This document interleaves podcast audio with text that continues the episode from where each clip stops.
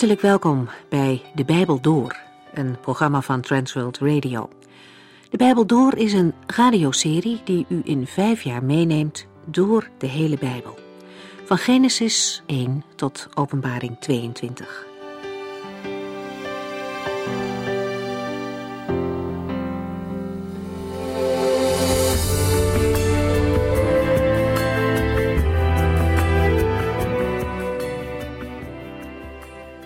We zijn de vorige keer begonnen in de eerste brief van Johannes, het vijfde hoofdstuk.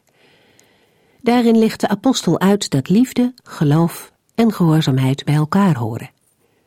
Christenen zijn leden geworden van een nieuw gezin, Gods gezin. En in dit gezin hebben we met broers en zussen te maken die we niet zelf uitkiezen. Het is echter wel de bedoeling dat dit gezin gekenmerkt wordt door echte liefde. Het is onmogelijk om God de Vader lief te hebben en zijn kinderen niet. Johannes schrijft dat verschillende keren. Die twee horen dus bij elkaar. Het is het grote gebod van de Heer. Gehoorzaamheid aan Gods andere geboden bevordert altijd het welzijn van onze broeders en zusters. Ieder kind van God wil zich in de praktijk van het dagelijks leven inspannen om te doen wat de Heere zegt en vraagt. En laten we eerlijk zijn, dat lukt dus niet altijd. Maar dan mogen we dat bij de Heere brengen en vertrouwen dat Hij zo trouw is om onze zonden te vergeven. De liefde die God van ons vraagt is niet een gevoel, maar is uitermate praktisch. Echte liefde uit zich in daden en in actie. Het komt tot uitdrukking wanneer we Gods geboden houden. God liefhebben moet handen en voeten krijgen. Vriendelijkheid, behulpzaamheid, zoeken naar vrede in plaats van ruzie en twist. Het zijn voorbeelden van liefde in de praktijk. Dorcas was zo'n vrouw die liet zien wat Gods liefde betekent. Ze naaide veel kleding voor de armen en was daarin een getuige van God, die liefde zelf is. Als u mijn geboden bewaart, zult u in mijn liefde blijven, zegt de Heer Jezus in Johannes 15. Ook daar zien we de combinatie van gehoorzaamheid aan Gods geboden en liefde. De last die mensen te dragen geven, zoals de Fariseërs in de tijd van de Bijbel, was zwaar. Bij wie zich onderwerpt aan Gods geboden zal merken dat ze niet zwaar zijn. We lezen verder in Johannes 5 vanaf vers 4.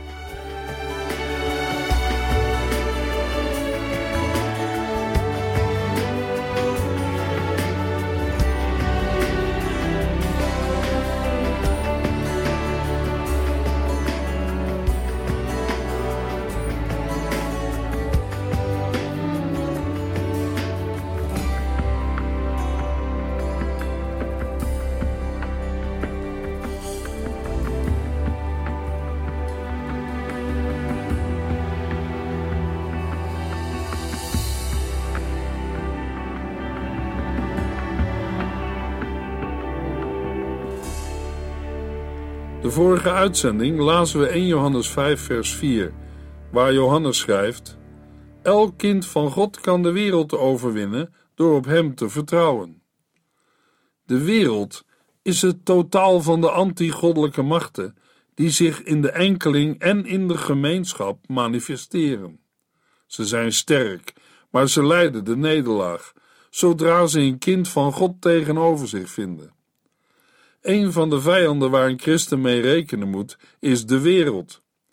Johannes heeft er al eerder over gesproken.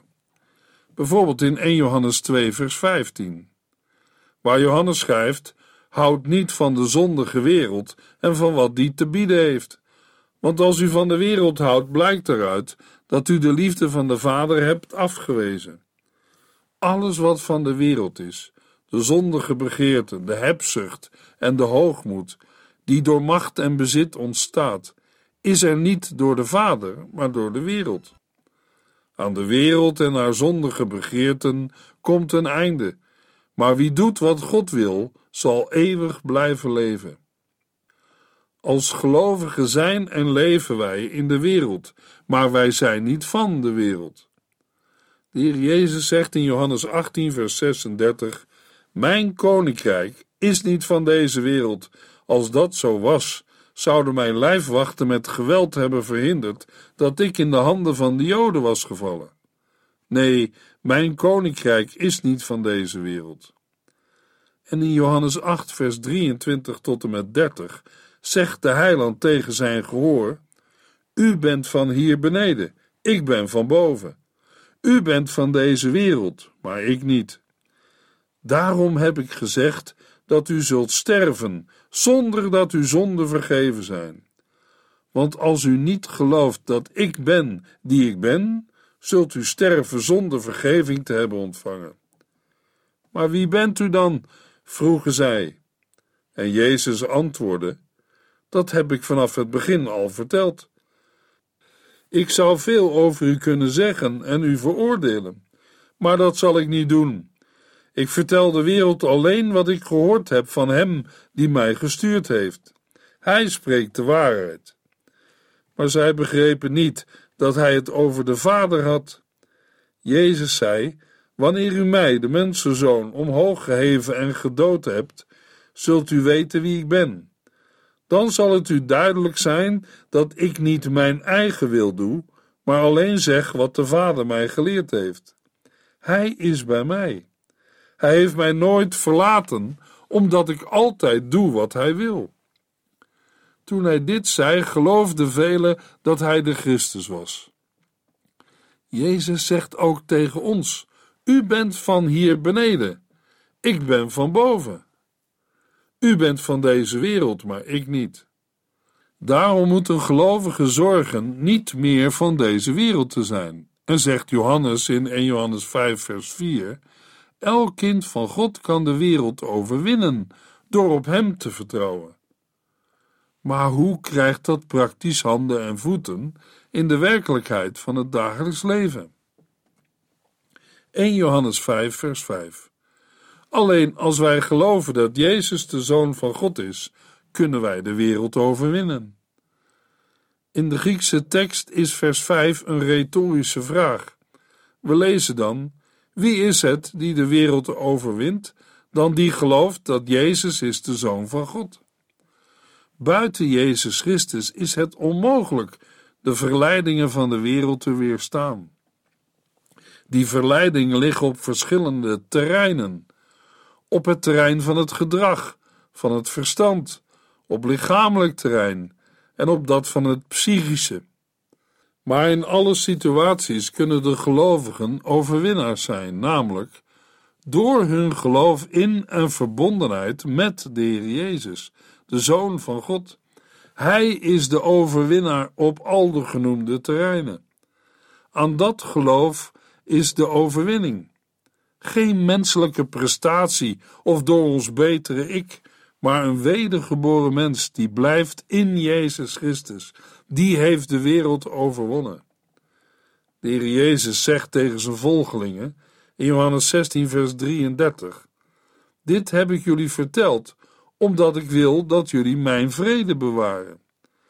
In de wereld zullen jullie het zwaar te verduren krijgen, maar houd moed, ik heb de wereld overwonnen. En de apostel Paulus schrijft in Efeziërs 6, vers 16 en 17: In elk gevecht zult u het geloof nodig hebben, als een schild waarmee u alle brandende pijlen van de duivel kunt doven. U zult niet zonder de helm van de redding kunnen, of zonder het zwaard van de geest, het woord van God. Geloven is niet het aanvaarden van een godsdienstige of kerkelijke leer, maar de aanvaarding en de ervaring van de kracht van de levende God. De nadruk ligt daarbij op de persoon van Jezus Christus. Hij is de Zoon van God. We lazen het onder andere in 1 Johannes 4, vers 14 tot en met 16, waar Johannes schrijft: Omdat wij het met eigen ogen hebben gezien, getuigen wij ervan dat God zijn Zoon gestuurd heeft als redder van de wereld. Ieder die dit gelooft en zegt dat Jezus de Zoon van God is, blijft één met God. Wij hebben de liefde van God leren kennen en vertrouwen daarop. God is liefde. Wie blijft liefhebben, blijft één met God. Maar de persoon van Jezus Christus werd door de dwaalleraars verworpen. In 1 Johannes 2, vers 22 schrijft Johannes: En wie is de leugenaar? Dat is degene die zegt dat Jezus niet de Christus is. Zo iemand is een vijand van Christus, een antichrist, omdat hij niet gelooft in God de Vader en in zijn Zoon Jezus Christus. Want wie niet in de Zoon gelooft, kent ook de Vader niet. Maar wie in de Zoon gelooft, kent ook de Vader. Blijf trouw aan wat u in het begin gehoord hebt. Als u dat doet, zult u altijd één zijn met de Zoon en de Vader. Christus, de Zoon, heeft ons het eeuwige leven beloofd. Ook aan het begin van 1 Johannes 5 heeft de apostel deze woorden herhaald. Hij schrijft in 1 Johannes 5, vers 1: Ieder die gelooft dat Jezus de Christus is, dat Hij Gods Zoon en onze Redder is, is een kind van God. En ieder die van de Vader houdt, houdt ook van diens kinderen. Want, en dat heeft de apostel Johannes al vaker naar voren gebracht, wie niet lief heeft, kent God niet, want God is zelf liefde. God heeft ons laten zien hoe groot zijn liefde voor ons is, door zijn enige zoon de wereld in te sturen. Door hem wilde God ons nieuw leven geven. De liefde waarover het hier gaat, is niet onze liefde voor God, maar zijn liefde voor ons. Daarom stuurde hij zijn zoon, die de straf voor onze zonde op zich heeft genomen, om de verhouding tussen God en ons weer goed te maken. Jezus Christus is gekomen tot redding en leven, en hij stelt ons in staat te triomferen over de wereld en haar verleidingen. Jezus is de Zoon van God. Hij deelt in de macht van God, die groter is dan de macht van Hem die in de wereld is. Het Griekse woord voor wereld is kosmos en heeft vier betekenissen. Het zelfstandig naamwoord betekent één ordening of orde, twee sier, sierlijkheid of sieraad, drie wereldordening of heelal en vier wereld of mensenwereld. De eerste betekenis, waaruit de andere betekenissen zich hebben ontwikkeld, komt niet in het Nieuwe Testament voor. Van orde in de zin van netheid of schoonheid gaat het woord dan ook sierlijkheid of sieraad betekenen.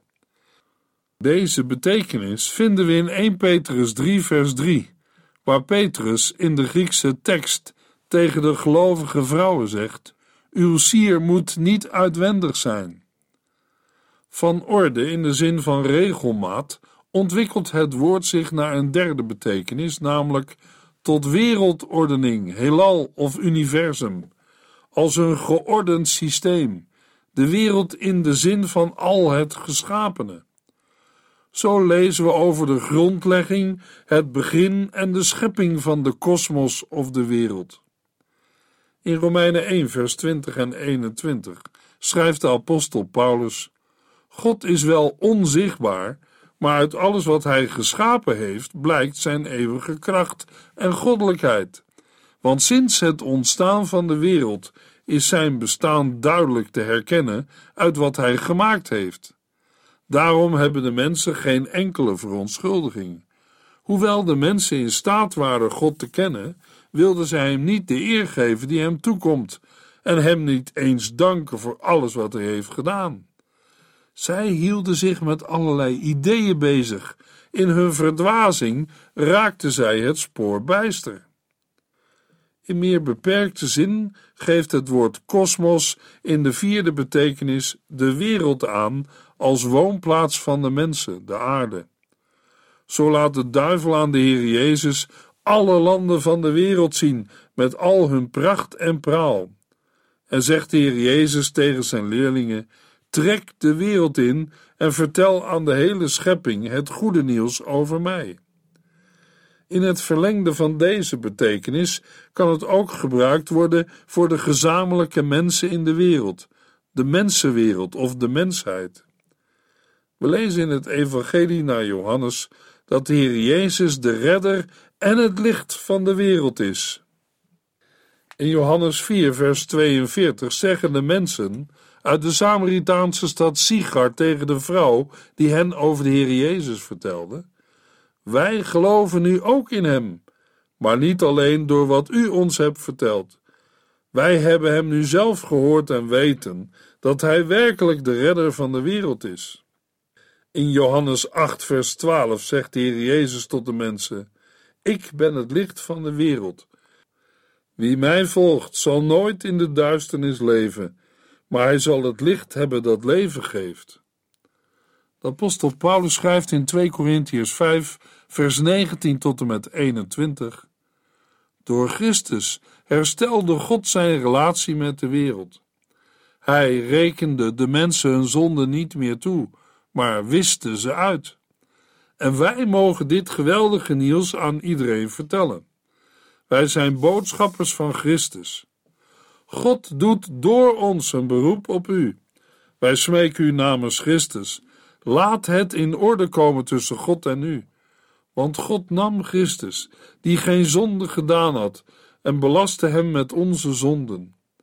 In ruil daarvoor rekent God de rechtvaardigheid van Christus aan ons toe. In een andere vertaling lezen we dat God in Christus de wereld met zichzelf verzoende, omdat Hij de wereld heeft liefgehad. In onder andere Romeinen 3 lezen we dat God de wereld zal oordelen. We lezen in Romeinen 3, vers 6: Nee, God is niet onrechtvaardig, anders zou hij toch geen rechter van de wereld kunnen zijn.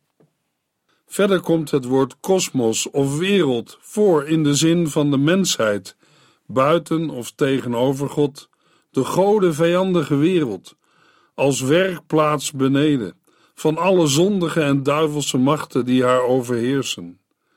Zo wordt de duivel de heerser van deze wereld genoemd. In 1 Johannes 5, vers 19 lezen we: Wij weten dat wij kinderen van God zijn en dat de hele wereld in de macht van de duivel is. Daarom lazen we Johannes 8, waar Jezus zegt: U bent van hier beneden, ik ben van boven. U bent van deze wereld, maar ik niet. Ook zijn koninkrijk is niet van deze wereld. Daarom worden de gelovigen opgeroepen zichzelf onbesmet van de wereld te bewaren.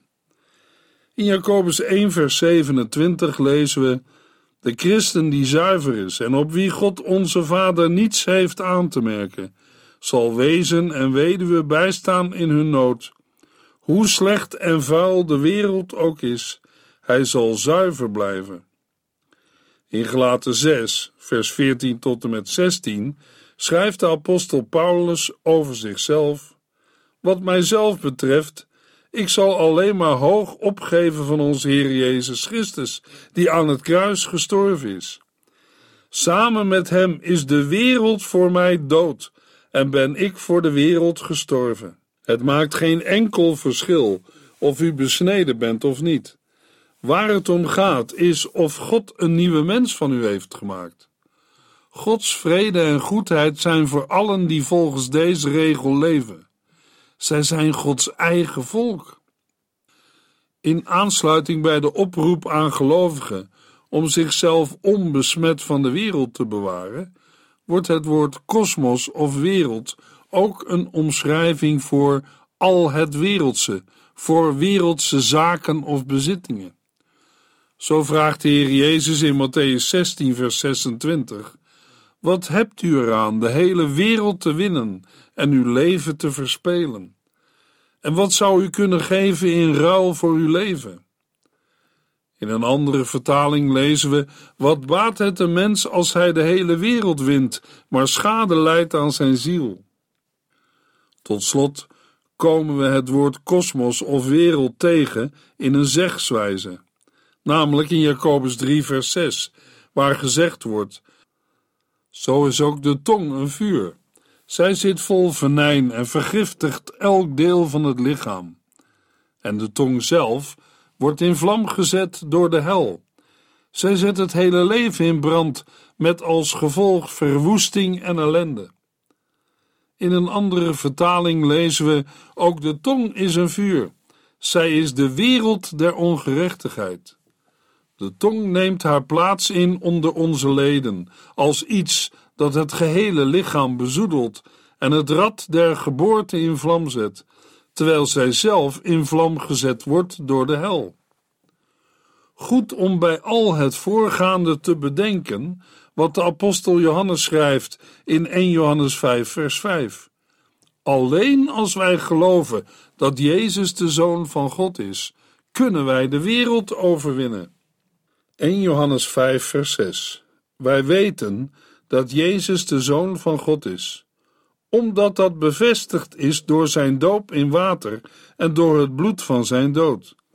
En ook de Heilige Geest, die altijd de waarheid spreekt, zegt dat hij de Zoon van God is. Met het oog op de dwaalleraars is een juiste kijk van de gelovigen op de Heer Jezus uitermate belangrijk. In vers 1 heet de Heer Jezus de Christus en in vers 5 de Zoon van God. In de Griekse tekst lezen we de woorden: Deze is de gekomene door water en bloed, namelijk Jezus de Christus. Niet door het water alleen, maar door het water en het bloed. En de geest is het die getuigt, omdat de geest de waarheid is. De Heer Jezus is de gekomene. Dat spreekt niet alleen over zijn geboorte, maar over zijn hele leven als verlosser. Dat maakt duidelijk waarom Johannes de nadruk legt op water en bloed. Water duidt op de doop van de Heer Jezus in de Jordaan. In Matthäus 3, vers 13 tot en met 17 lezen we het volgende. Jezus verliet Galilea en ging naar Johannes om zich ook door hem in de Jordaan te laten dopen. Maar Johannes hield hem tegen. Ik moet door u worden gedoopt, protesteerde hij, in plaats van u door mij.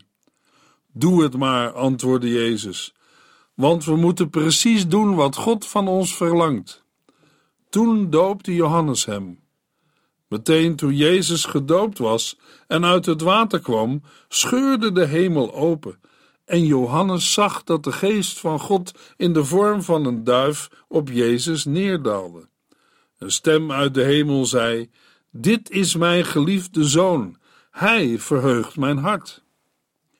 Bloed wijst op het verzoenende bloed van de Heer Jezus Christus, vergoten aan het kruis. U kunt de geschiedenis van de kruisiging onder andere lezen in Johannes 19, vers 19 tot en met 31.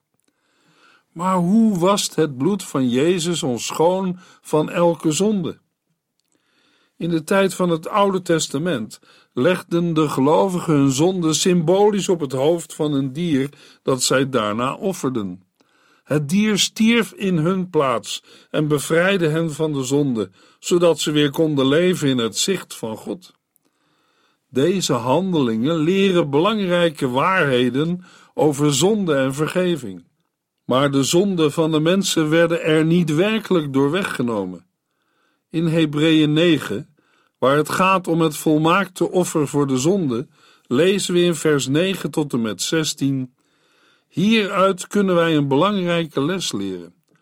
Ook al werden al deze gaven en offers gebracht, ze konden het geweten van de mensen toch niet zuiveren. Het ging alleen om bepaalde gebruiken, wat men wel en niet mocht eten en drinken, waarom en hoe men zich moest wassen. De mensen moesten zich eraan houden zolang Christus nog niet met Gods nieuwe, betere verbond was gekomen. Christus kwam als hoge priester van het nieuwe verbond dat wij nu hebben. Hij is de grotere en meer volmaakte tent in de hemel binnengegaan, die niet door mensen is gemaakt en niet tot deze wereld behoort. Eens en voor altijd ging hij met bloed het Allerheiligste binnen en sprenkelde het op de plaats waar de zonden worden vergeven. Maar dat was niet het bloed van bokken en kalveren. Nee, het was zijn eigen bloed. En daarmee heeft hij ons voor eeuwig van de zonde bevrijd. Als het bloed van bokken en stieren en de as van jonge koeien van zonde konden reinigen, hoeveel te meer zal dan het bloed van Christus ons hart en leven veranderen? Hij, die zelf zonder zonden is, heeft door de hulp van de eeuwige geest zich gewillig aan God overgegeven om voor onze zonden te sterven. Daardoor wordt ons geweten gezuiverd van daden die tot de dood leiden en kunnen wij de levende God dienen. Hij heeft ervoor gezorgd dat er een nieuw verbond kwam, zodat iedereen mag komen om te genieten van de rijkdom die God beloofd heeft. Christus is gestorven om hen te redden van de straf die zij verdienden door de zonde die zij onder het oude verbond hadden gedaan. Met dit verbond dat God met ons heeft gesloten, is het net als met een testament. Er moet eerst iemand sterven voordat het van kracht wordt. Johannes schrijft in 1 Johannes 5, vers 6: Wij weten dat Jezus de Zoon van God is omdat dat bevestigd is door zijn doop in water en door het bloed van zijn dood. De tegenstanders van Johannes leerden wel de doop van Christus. Dat kunnen we weten uit de Griekse tekst van vers 6, waar we lezen: Niet door het water alleen, maar door het water en het bloed. De dwaalleraars beweerden namelijk dat de hemelse Christus de aardse Jezus voor zijn dood aan het kruis had verlaten. Op die manier stierf alleen de mens Jezus van Nazareth, waaraan verder geen betekenis hoefde worden gegeven. Maar de apostel Johannes verzet zich in zijn eerste brief meerdere malen tegen deze opvatting. Want wat de dwaalleraars beweren, spreekt de centrale gedachte in het Nieuwe Testament tegen, namelijk dat God in Christus de wereld met zichzelf verzoende. Het getuigenis van de Heilige Geest, die de waarheid is, slaat de brug van het verleden naar het heden. De Heilige Geest bevestigt in het hart van de gelovigen het historisch gekomen zijn van Jezus Christus. Jezus van Nazareth is vanaf zijn geboorte tot en met zijn dood en opstanding voor altijd de Heer Jezus Christus, de Zoon van God. In de volgende uitzending lezen we 1 Johannes 5, vers 6 tot en met 12.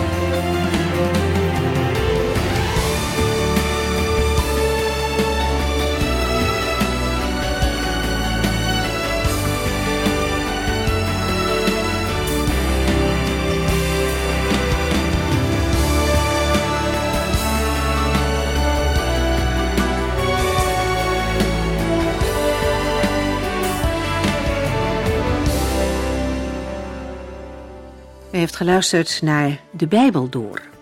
In het Nederlands vertaald en bewerkt door Transworld Radio. Een programma waarin we in vijf jaar tijd de hele Bijbel doorgaan. Als u wilt reageren op deze uitzending of u heeft vragen, dan kunt u contact met ons opnemen. Tijdens kantooruren kunt u bellen op 0342 47 8432. 0342 47 8432. 32. Ook kunt u een e-mail sturen naar de Bijbel door transworldradio.nl en natuurlijk kunt u ook via de post ons bereiken. TWR, postbus 371, postcode 3770, AJ in Barneveld. Dit programma werd gepresenteerd door Corweda en Ike André. Techniek was in handen van Odin van Woerdenkom. En namens ons allemaal bedanken we u van harte voor het luisteren.